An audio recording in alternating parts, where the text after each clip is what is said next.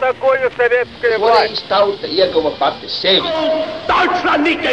Liktenīgas nejaušības un slēptas likumsakarības, subjektīvas patiesības un objektīvi aizspriedumi. Pēc atkušņa nekad nenāk uzreiz pavasars, bet sākās Arī šodien cilvēki ir ļoti tuvredzīgi. Viņi redz to naudu, kas ir. Televīzijā jau pamatā notiek cīņa par varu. Pagātne no šodienas skatu punkta un šodienas caur pagātnes prizmu. Raidījumā šīs dienas acīm. Katru svētdienu Latvijas radio eterā Eduards Liniņš. Labdien, cienījamie klausītāji! Šogad ir iznākusi jauna grāmata Ziemeļlatgales neatkarības vienība, un grāmatas autors, vēsturnieks Zigmārs Turčinskis, ir mans šodienas sarunbiedrs. Labdien! Labdien! Kā jau liecina nosaukums, tā tad runa ir par Ziemeļlatgali. Tālākais ir jāatšifrē tātad par Nacionālo partizānu vienību, kura darbojās Ziemeļlatgalē, Balvu, Rugāju, Bērspils apkārtnē laikā pēc Otrā pasaules kara.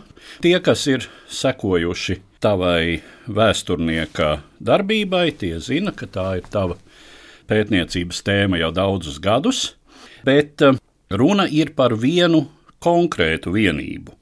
Kāpēc tā izvēle krita tieši uz šo partizānu vienību, kura sevi dēvēja par Ziemeļlatgales neatkarības vienību?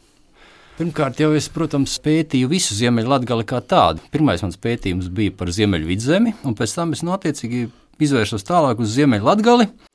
Un pamazām pētniecības gaitā es sapratu, ka tas reģions ir milzīgs, to cilvēku skaits tur ir milzīgs, un līdz ar to ja es mēģināšu vienā monogrāfijā aprakstīt visu, tad tas viss vienkārši nogrims kā purvā. Tur nekas nebūs saprotams, un līdz ar to bija vienkārši mm, jāizdomā, kā to visu materiālu sadalīt vairākās atsevišķās daļās. Es izvēlējos no visa tā lielā materiāla paņemt vienu nelielu mazāku materiālu, kas ir atsevišķa šāda vienība, kas tur bija izveidojusies, organizācija. Nu, un tā attiecīgi pievērsos šīs organizācijas visai izpētē. Tas ir pirmkārt. Un otrkārt ir arī tas, ka Diemžēl līdz pat mūsu dienām par šīs organizācijas visu darbošanos bija ārkārtīgi daudz ļoti nezolīdu, ļoti nesmuku, ļoti nepatīkamu kašķu riešanās, skandalēšanās, apsaukāšanās. Un tas arī man lika pievērsties tieši šim pētījumam, šim reģionam, lai beidzot saliktu to visu pēc dokumentiem, tā kā tas izskatās, to, ko var atrast, kas ir kas. Nevis viena tante teica, un es tagad runāšu tālāk. Nu, vienkārši vajadzēja to visu vienreiz izbeigt un izstāstīt, kā tas īsti ir bijis balstīts uz dokumentiem dokumentiem. Te mēs nonākam pie tā, kas tad ir vēsturnieka avoti pētot šo tēmu, jo nav jau tā, ka kustības dalībnieku atmiņas vai tā reģiona iedzīvotāju atmiņas būtu pilnīgi atmetamas kā avots. Atmiņas ir ļoti laba lieta, bet atmiņas ir eh, kā ilustrācija, kā papildinājums. Pamats ir eh, dokumenti, krimināla lietas, arestēto partizānu, partizānu atbalstītāju, jauniešu pretošanās organizācijas dalībnieku krimināla lietas, un tad iet blakus avoti, kā atmiņas, kas jau konkretizē kādu situāciju, paskaidro kādu situāciju tuvāk. Jautājums par šiem saglabātajiem arhīvu dokumentiem. Tā ir padomju tiesvedība, pie tam vēl tas ir Staļina laiks. Tur nav objektīvas iztiesāšanas, Kādi ir tie galvenie principi, kāda ir tā pieeja strādājot ar šādiem dokumentiem? Pirmkārt, tur ir jāsaprot par šiem dokumentiem un eh, dažādiem laikiem, kādā veidā šī represīvā sistēma strādāja. Un tad, kad, protams, 30. gadu beigās notika visas šīs masveida tīrīšanas viņiem iekšienē, tur padomjas Savienībā, viņi tur viens otru apšāva, cīnoties par varu. Tas bija viens. Tur bija safabricētās visas tās lietas, un tur bija jau iepriekš pateikts, ka tu esi vainīgs, un tev vienkārši daudzīja tik ilgi, kamēr no tevis izsita to visu. Bet tad, kad šis režīms šeit, Baltijā, un Rietumu Ukrainā un Rietumu Baltkrievijā saskārās ar šo pretošanās kustību, tad viņiem nācās pārveidot savu to sistēmu tādā veidā, visu nopratināšanas un izmeklēšanas sistēmu, lai tomēr izsistu šo patiesību, kas ir bijis, kādas organizācijas, kas ar ko sadarbojas. Un tas, protams, nebija vienkārši. Arī Staļins vienā brīdī sāka domāt, ka pretošanās kustība nespēja apspiest un nespēja tikt ar viņu galā, acīm redzot, tāpēc, ka neprot izmeklēt uh, krimināla lietas. Un tāpēc tur bija vesels skandāls MGB padomju drošības dienesta šefs rakstīja personīgi Staļinam milzīgi garu paskaidrojumu par to, ka nē, mēs redziet, cik rūpīgi izmeklējam tās lietas un kā mēs visu to skatāmies un kā mēs tagad meklējam un kā mēs atrodam šos te. Un tas bija garš, garš, garš paskaidrs. Tātad, acīm redzot, Staļins arī vienā brīdī domāja, ka viņi neprot izmeklēt, viņi vēl joprojām izmeklē tā, kā viņi to ir pieraduši. Un tā arī ik pa brīdim bija. Es arī saskāros ar vairākām kriminālu lietām, kad jā, vienkārši ir arestēti pat komunisti un izstrēbīķeļi un visaktīvākie kolaboranti, un viņi tiek daudzīti, lai viņi atzītos, ka viņi ir pretošanās kustības dalībnieki, kaut gan viņi mūžā tādi nebija bijuši. Pat šādus aktīvos komunistus, kolaborantus arī noturēja cietumā un daudzīja pa pusgadam, gadam, un tikai tad palaida vaļā. Tā ka visu laiku bija šādi faileri šai sistēmai. Bet kopumā viņi, protams, mācījās apspiest pretošanās kustību, mācījās iefiltrēt aģentūru, mācījās izmeklēt lietas, mācījās izspiest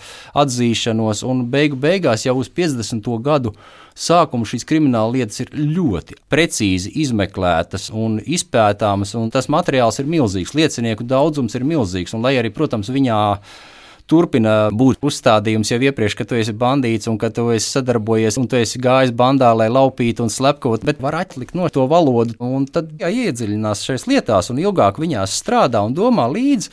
Ļoti labi var pētīt un ļoti labi var atrast kopējo situāciju, kāda viņa bijusi. Un tad, ja pieliek vēl klāt atmiņas un cilvēku stāsts, tad veidojas ļoti sakarīgs kopainas stāsts. Kā ir ar lauka pētījumiem, video uz vietas vai Tu devies arī konkrēti uz tiem mežiem, uz tiem bunkuriem, apmēram apskatīt tās iespējamās kauju vietas un tam līdzīgi. Es pat nevis tā aptuveni, bet es ļoti nopietni gāju gan pa tiem mežiem, gan gāju braucu tur, kad jāatrod kādu lietu, kur ir bijis kaut kas, kāda interesanta lieta, kaut kāda sadursme, kaut kāda nodevība, kaut kādas kaujas, kaut kāda aresti. Es braucu uz vietām un gāju pie cilvēkiem un runāju ar cilvēkiem, un bija unikāli, ko izdevās atrast. Piemēram, šī stāsta viena no centrālajām tādām eh, notikumu vietām ir Baltiņavas pagasta Kalvīnas ciems. Ciems faktiski jau nav. Toreiz bijuši 11 vairāk mājas, šobrīd ir apdzīvota viena māja, kur dzīvo viena tante. Bet viņa visu atcerās no bērnības. Viņai tajā laikā bijuši 12, 14 gadi, un viņa visu atcerās. Viņa zina visus tos cilvēkus apkārt, viņa redzējusi visus tos notikumus, un viņa pēkšņi runā un stāsta, jo viņai uzdod to, ko viņai neviens nekad mūžā nav pajautājis. Tā bija fantastiska saruna. Un tāpat arī bija vēl joprojām dzīvi cilvēki, arī no otras puses. Jā, tur ir tie stāsti, kur brālēns apšāva brālēnam ģimeni, tāpēc, ka no okupācijas laikā izveidojās ārprātīgs savstarpējs naids. Un man izdevās arī ar viņu aprunāties, kā tas ir bijis, kā brālēns nāca iekšā šaut viņus visus nost. Izdevās šo cilvēku sameklēt, izdevās caur cilvēku, kuram viņš uzticās, aizbraukt pie viņa sarunāties, un viņš izstāstīja to visu. Atkal ārprātīgi fantastisks stāsts. Un vēl šo meklējumu laikā es arī atradu kapa vietu, kurā bija apglabāti divi bojā gājušie partizāni, kas bija vienās mājās no nodevības dēļ ievilināti, slēpni un nogalināti. Braucot apkārt un runājot ar cilvēkiem, beig beigās tā arī izdevās iebraukt vienās mājās, un cilvēks saka, ka jā. Tas sarunas sākums bija ļoti interesants, ka nu, es esmu vēsturnieks no Rīgas un tā. Un A tu esi čils vai latgalīts? es saku, čils. Es tev nekā neteikšu. Neko neteikšu. Neko neteikšu. Es nestāstīšu, kas ir manā mežā apraksts, bet var redzēt, ka viņam šausmīgi gribās to izstāstīt. un beigās viņš aizveda, jā. Un tā mēs atradām to partizānu kapa vietu, kur čekis viņus bija slepeni apglabājuši. Viņš, protams, nezināja īsti, kas tur bija, jo viņš to mežu bija nopircis no tā īpašnieka. Un tas īpašnieks bija tas, kas bija nodevis tos partizānus tas īpašnieks to mežu, tad, kad viņš bija pārdevis, viņš bija parādījis to vietu un bija teicis, te tu neko neroc un neizposti meža darbos. Nu, tur varēja redzēt, ja tā ieskatījās sūnās, tāds mazs, mazs uzkalniņš, tāds nu, 20 centimetru mazliet augstāks, kantains paaugstinājums, kas varēja liecināt, ka tur ir kapa vieta. Nu, jā, tiešām ekshumācijas laikā izdevās atrast abus bojāgājušos. Un arī noskaidrot uh, viņu vārdus. identitātes. Protams, jo tas stāsts bija jau noskaidrojies, kāds ir. Vienkārši tas bija fantastiski, ka izdevās arī viņus atrast pašus. Tas liecina cik vispār viss šis process no vēstures viedokļa un arī no sabiedrības domāšanas viedokļa, cik tas vēl viss ir svaigs. Un tas jau arī parādās šajā grāmatā.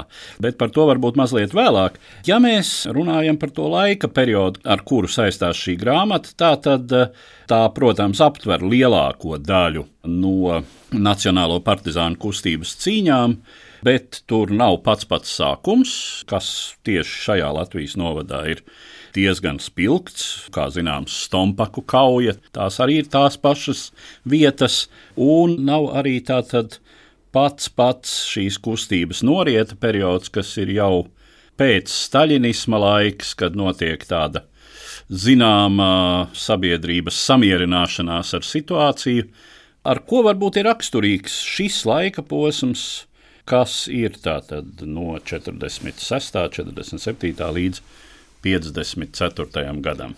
Tas ir pretošanās kustības tāds otrais posms, jo pirmais posms jā, ir šīs lielās partizānu organizācijas un darbības, kad meži ir pilni ar cilvēkiem, kas ir uzreiz no 44. gada, 45. gada pamukuši no mobilizācijas, un daudzi vienkārši ir iegājuši mežā, lai pagaidītu kaut kādas pārmaiņas vai nomierināšanos laiku, un meži ir pilni ar visdažādākajiem cilvēkiem, un tur ir grūti pateikt, kurš ir nacionālais partizāns ar eh, motivāciju, un kurš ir vienkārši pamucis.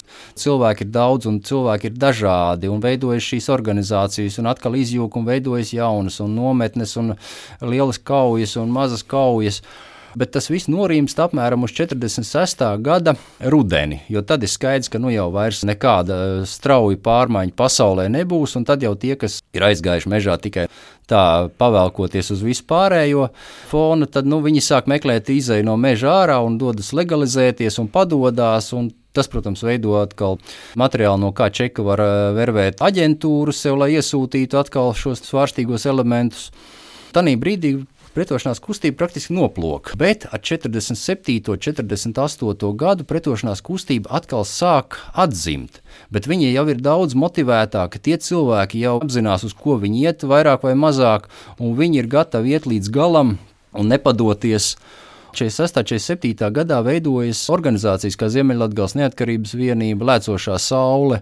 Tas ir Latvijā, ko šī pētījumā es apskatīju. Tieši tāda pati situācija ir Liepājas pusē, kur izveidojas Tēvijas vanagi un uh, Liepājā atkal jauniešu organizācija kursa. Un šie cilvēki ir motivēti, un viņi iet mežos, un viņi cīnās, un viņi darbojās jau tā ļoti apzināti. Palīdz arī tas, ka 48. gadā sākas Berlīnas blokāde. 48. gada jūnijā viņa sākas un ilgs līdz 49. gada maijam, kad eh, Padomju Savienība mēģināja nobloķēt Berlīnu, nomērdēt eh, veselu pilsētu badā. Rietumberlīna. Rietumberlīna Rietumu sabiedrotie spēja to visu apgādāt no gaisa. Un tas ir pasaulē tāds liels satricinājums un saspringuma moments, kurš arī dod cerības daudziem cilvēkiem ka drīzumā varētu būt kaut kādas pozitīvas izmaiņas, ka var iet mežos, var sākt darboties. Latvijā iet veselām ģimenēm. Ir pat traģiskie stāsti, kur aiziet ģimene ar astoņiem, deviņiem bērniem mežā. Visi tieši tāpēc, ka viņiem liekas, nu, tūlīt, tūlīt tas ir tikai bijis jāpagaida, un tūlīt jau nāks palīdzība. Mums parasti kaut kā liekas, ka tas pacēlums varētu būt 49. gada 25. marta deportācijas, bet nē, pacēlums ir šis 48. gada pavasaris, vasara, tad, kad ir Berlīnas krīzes laiks. Tas faktiski ir tas pretošanās kustības dzinulis. Droši vien vēl viens motivējošs faktors ir Latvijas lauku sovietizācija, kas faktiski ir kolhozu dibināšana, kas arī tā ieskrienas apmēram ap 1948. gadu. Ja līdz tam zemniekus, kā saka, spieda pie zemes ar lielām nodevām, tad sākas intensīva dzīšana kolhozos ar uh, pierunāšanu un arī ar draudiem. Gan pierunāšana, gan draudi, gan reāla ar izrēķināšanās, jo kuleka nodokļu aplikšana, saimniecība izputināšana, tiesāšanas par kuleka nodokļu nesamaksāšanu un līdz ar to tas rezultāts ir cietumsodi, protams. Viņi nav ļoti lieli kā politiski represētajiem, 10, 15, 20, 25 gadi. Tie ir apmēram 5 gadi vidējais, bet vienalga tas ir ieslodzījums kā tāds, un tas ir cietumsots. Tas atkal ir motivācija nepakļauties un iet mežā cilvēkiem šādā brīdī. Ja mēs skatāmies uz visu Latviju, cik šī kustība ir intensīva, vai tā ir visur vienlīdz pamanāma, vai tomēr ir kaut kādi reģioni, kur tā ir intensīvāka, piemēram, tā pati Ziemeļlatgale. Tas atkal ir jautājums drīzāk par izpētes līmeni, nevis par to, cik viņi ir intensīvi bijusi kurā reģionā. Jo tas bija tas interesantais, kur zemē rendāja pretošanās kustības muzejs. Un tur arī bija tāda doma Andrejam Čēzaram, ka vajadzētu uzlikt karti, salikt iekšā partizānu kustības, kaujas un cīņas un sadursmes, un tad mēs salikām iekšā informāciju no visiem, kā mēs varējām dabūt, un tad ir interesanti, ka daudz ir Ziemeļvidzeme, Daudz ir Ziemeļlatgale, daudz ir Sēlija, mazliet centrāla vidzeme, nedaudz kurzeme, un tad ir milzīgi pleķi, kur nav nekā. Bet nevis tāpēc, ka tur nebija pretošanās kustība, bet tāpēc, ka neviens to nav pētījis.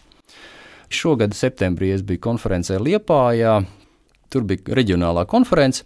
Es viņiem arī nesolīju, ka es uzrakstīšu pētījumu par tēvijas vanagiem, bet es teicu, ka es varu uzrakstīt ieskatu, lai kādam varbūt eh, rastos interesi sākt pētīt to visu. Es paņēmu vairākas krimināla lietas, piemēram, Jānis Brūns, kas bija pēdējais nacionālais partizāns Liepājas pusē, kurš legalizējās 59. gada 31. decembrī. Es biju pirmais, kas paņēma šīs krimināla lietas apskatīties, jo katrai krimināla lietai arhīvā ir izmantošanas lapa, un viņa bija pilnīgi tukša. Es ierakstījos viņās kā pirmais.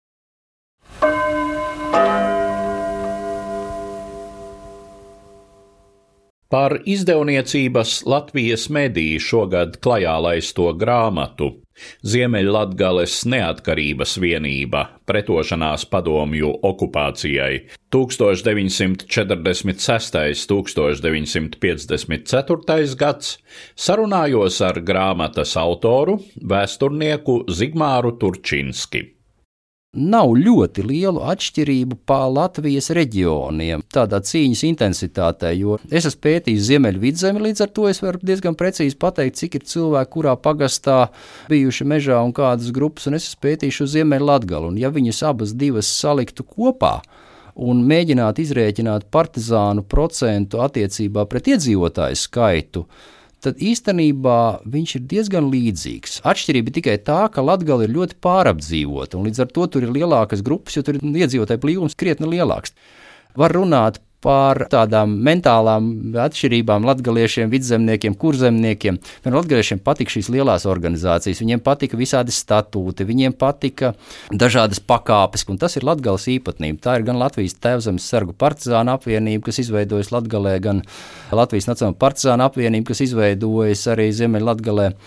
Savukārt vidzemniekiem patika mazas grupas, viņi dzīvoja paši pa sevi, viņi viens otru zināja, un bieži vien, kad nāca šīs LNPA grupas uz vidzemi, viņi prasīja, aprīš, kā mums to vajag? Kāpēc mums jādod kaut kāds zvērs partizānu organizācijai? Es esmu Latvijas armijai zvērējis vienreiz uzticību, viss es viņai palieku uzticīgs. Viņi tā īsti nesaprata daudz lielās šīs organizācijas. Un kurzemē ir atšķirība tāda, ka kurzemē bija ļoti daudz leģionāri palikuši pēc kapitulācijas mežos, un tur savukārt bija ļoti kaujas spējīgas šīs grupas. Un interesanti līdz ar to ir papētīt, kur zemē brāļu kapas sarkanās armijas. No kurienes brāļu kapi radās Talsos, Kuldīgā, Vēnspilī. Tur taču nebija otrā pasaules kara frontes, un, ja paskatās sarakstus, viņus var atrast kaut kādos krievotnīs portālos, kas ir apglabāti, piemēram, Talsos ir apglabāti vairāk kā simts tanīs brāļu kapos. Tur daļa norakta arī 70. gados visādi veterāni, bet pēc vārdiem pēckara perioda attiecas 86 cilvēki, no kuriem 67 ir gājuši bojā no 45. gada 10. māja līdz 51. gadam. Tie visi ir NKVD karavīri, kas ir krituši kaujās pret nacionālajiem partizāniem. Vēl viens moments, kas parādās šajā grāmatā, tās ir ar šīm partizānu vienībām saistītas skolnieku organizācijas, kas ir, protams, nebruņotas, bet uh, savukārt aktīvas aģitējot par šo pretošanos, uzturot nacionālo pašapziņu un uh, arī vācot acīm redzot informāciju partizānu vienībām.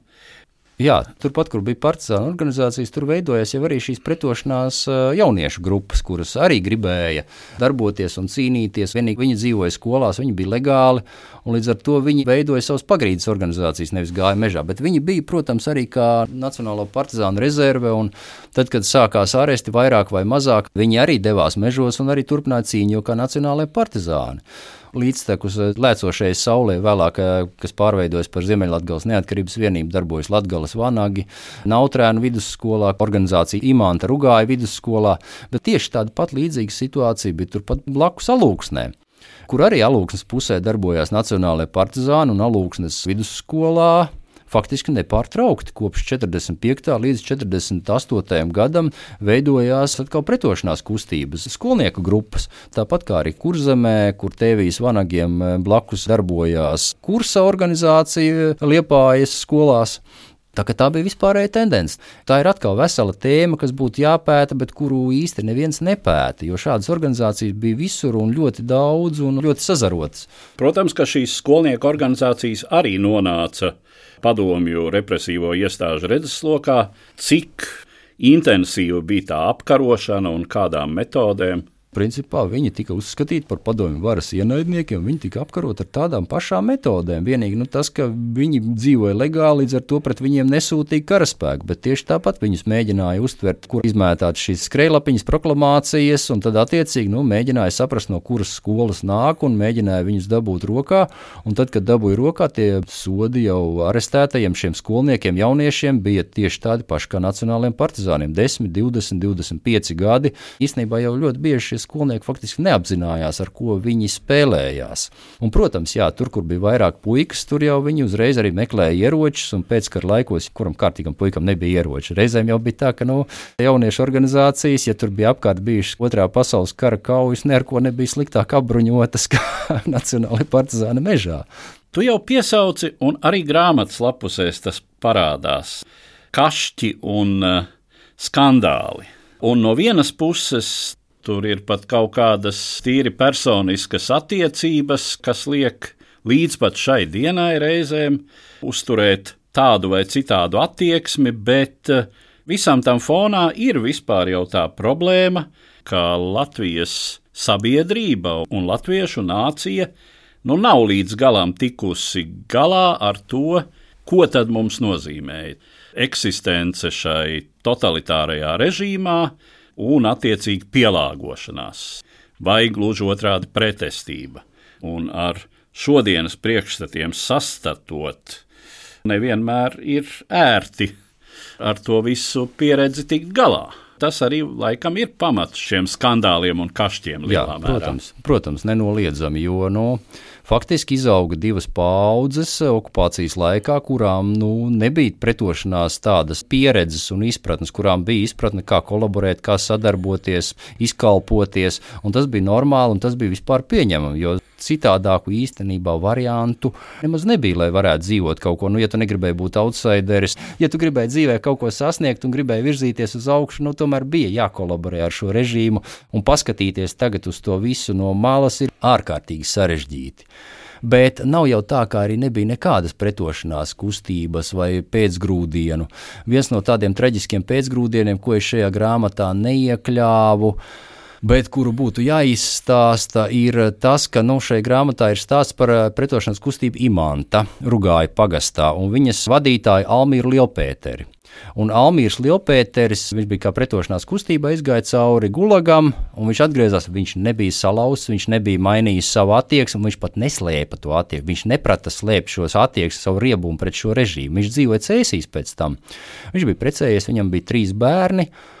Un tā traģiskā nelaime bija tā, ka viņš arī bērniem iemācīja to pretošanos un nepakļaušanos. Un rezultāts bija tāds, ka viņa meitu 82. gada rudenī komunista skolotāja Stangaina kopā ar Cēzu rajonu čekas priekšnieku Petersonu noveda līdz pašnāvībai. Viņa izdarīja pašnāvību, paguļoties zem vilciena 82. gada oktobrī. Un tas ir ļoti traģisks stāsts par to, ko nozīmē izaudzināt eh, bērnus, kas nepakļaujās režīmam. Šo stāstu izstāstīja cilvēks, kurus kritizēju. Jā, savā šī literatūras stāstā Vilis Selēckis, jā, par to, ko viņš sarakstīja vēlāk, bet viņam pieder fantastisks stāsts par šo Dāci Lielpēteru un Lielpēteru ģimeni, kā Dāci aiziet bojā, kā ir šis terors, psiholoģiskais izvērsts pret to ģimeni, kā viņus terorizē šī skolotāja, kā terorizē čekas priekšnieks, kā viņi atlaiž tēvu no darba, bet tas ir palicis avīžu rakstu līmenī. Viņu var atrast periodikā, protams. 94. gadā neatkarīgajā cīņā ir gara rakstu sērija. Viņai nekad nebūs 18 par Dācis Lielpēteru. To ir sarakstījis Vilis Selēckis.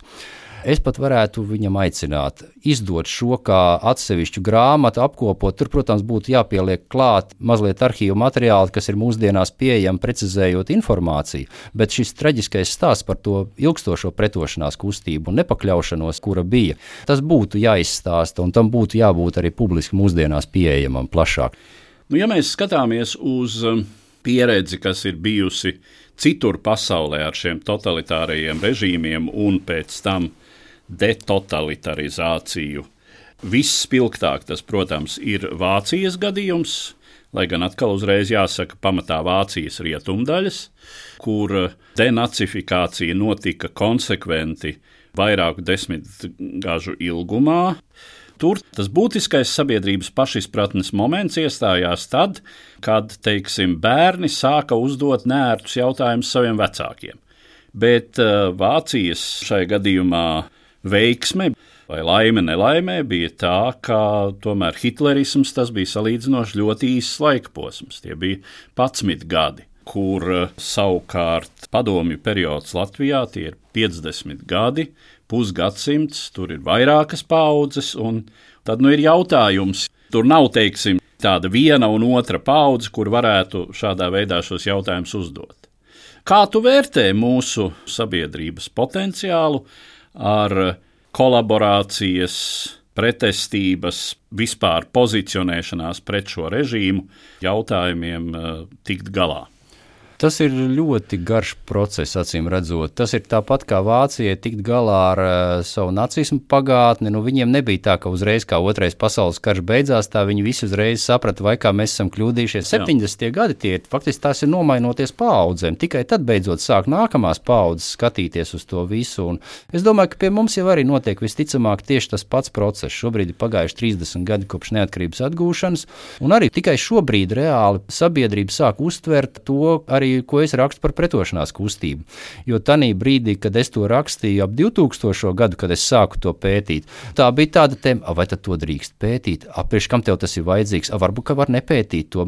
Es vēl biju tāds baltais virbulis, kuram vienkārši patika to darīt, tieši tāpēc, ka nevienam to neinteresēja un nevajadzēja, un neviens nezināja, kā ar šiem partizāniem tikt galā, kā tikt ar pretošanās kustību galā, kā par viņu runāt, a, varbūt vispār labāk nerunāt.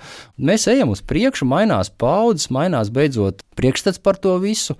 Es teiktu, ka mana paša tā labā lieta ir tā, ka es esmu dzīvojis šeit padomju okupācijas laikā, dzīvis, audzis, skolā gājis, bet apzināta tāda nu, dzīve, kad tu skaties apkārt un interesējies par notiekošo, jau sākas ar atmodas laiku. Līdz ar to es jau skatos mazliet savādāk. Man ir šī izjūta par to laiku, kas ir bijis padomju okupācijas laiks, kāda bija dzīve tur, bet es jau varu skatīties uz to visu no malas, bet ar izpratni. Un tas man arī, es domāju, ka ļoti daudz palīdz visos šajos pētījumos, jo nākamajām paudzēm, un arī tām, kuras nepratīs vairs krievu valodu, arī būs ļoti grūti jau tālāk pētīt. Un tas arī varētu būt, kad apstāsies šī pētniecība, jo zudīs arī krievu valoda. Viņa ir jāizskauž no mūsu dzīves pēc iespējas vairāk, bet, nu, diemžēl šajā pētniecībā viņa ir nepieciešama.